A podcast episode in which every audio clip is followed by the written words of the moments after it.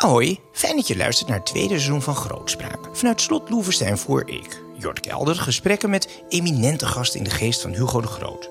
Dat doen we deze keer over het leven en het werk van een andere grote Hollandse denker, Johan Rudolf Thorbecke.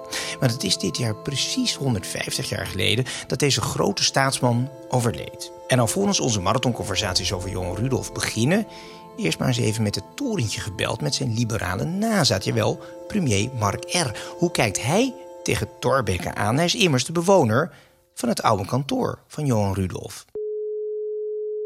Toen ik minister-president werd, heb ik eigenlijk niet zoveel veranderd aan het torentje, aan de inrichting van het torentje. Maar wat ik wel belangrijk vond, was dat daar een portret kwam te hangen, of eigenlijk te staan op het kastje van uh, Thorbecke.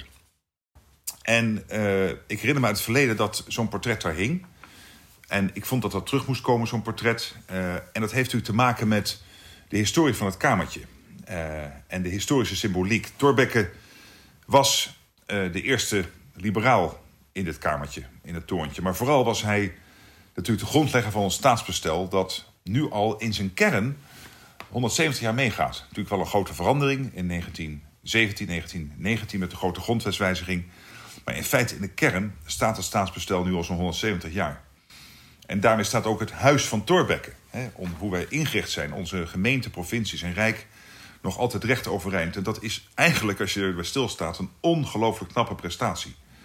Dus in die zin is het weer terugplaatsen van dat portret ook een, een, een daad van, zou je kunnen zeggen, historische rechtvaardigheid.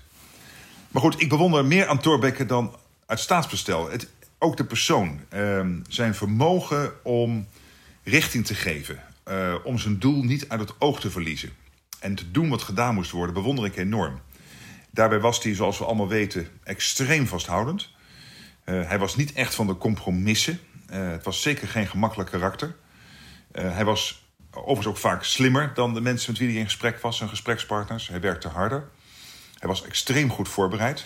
Hij had dus ook heel vaak gelijk. Uh, en dat zie je ook terug in die prachtige biografie van Aarts, van Remig Aarts.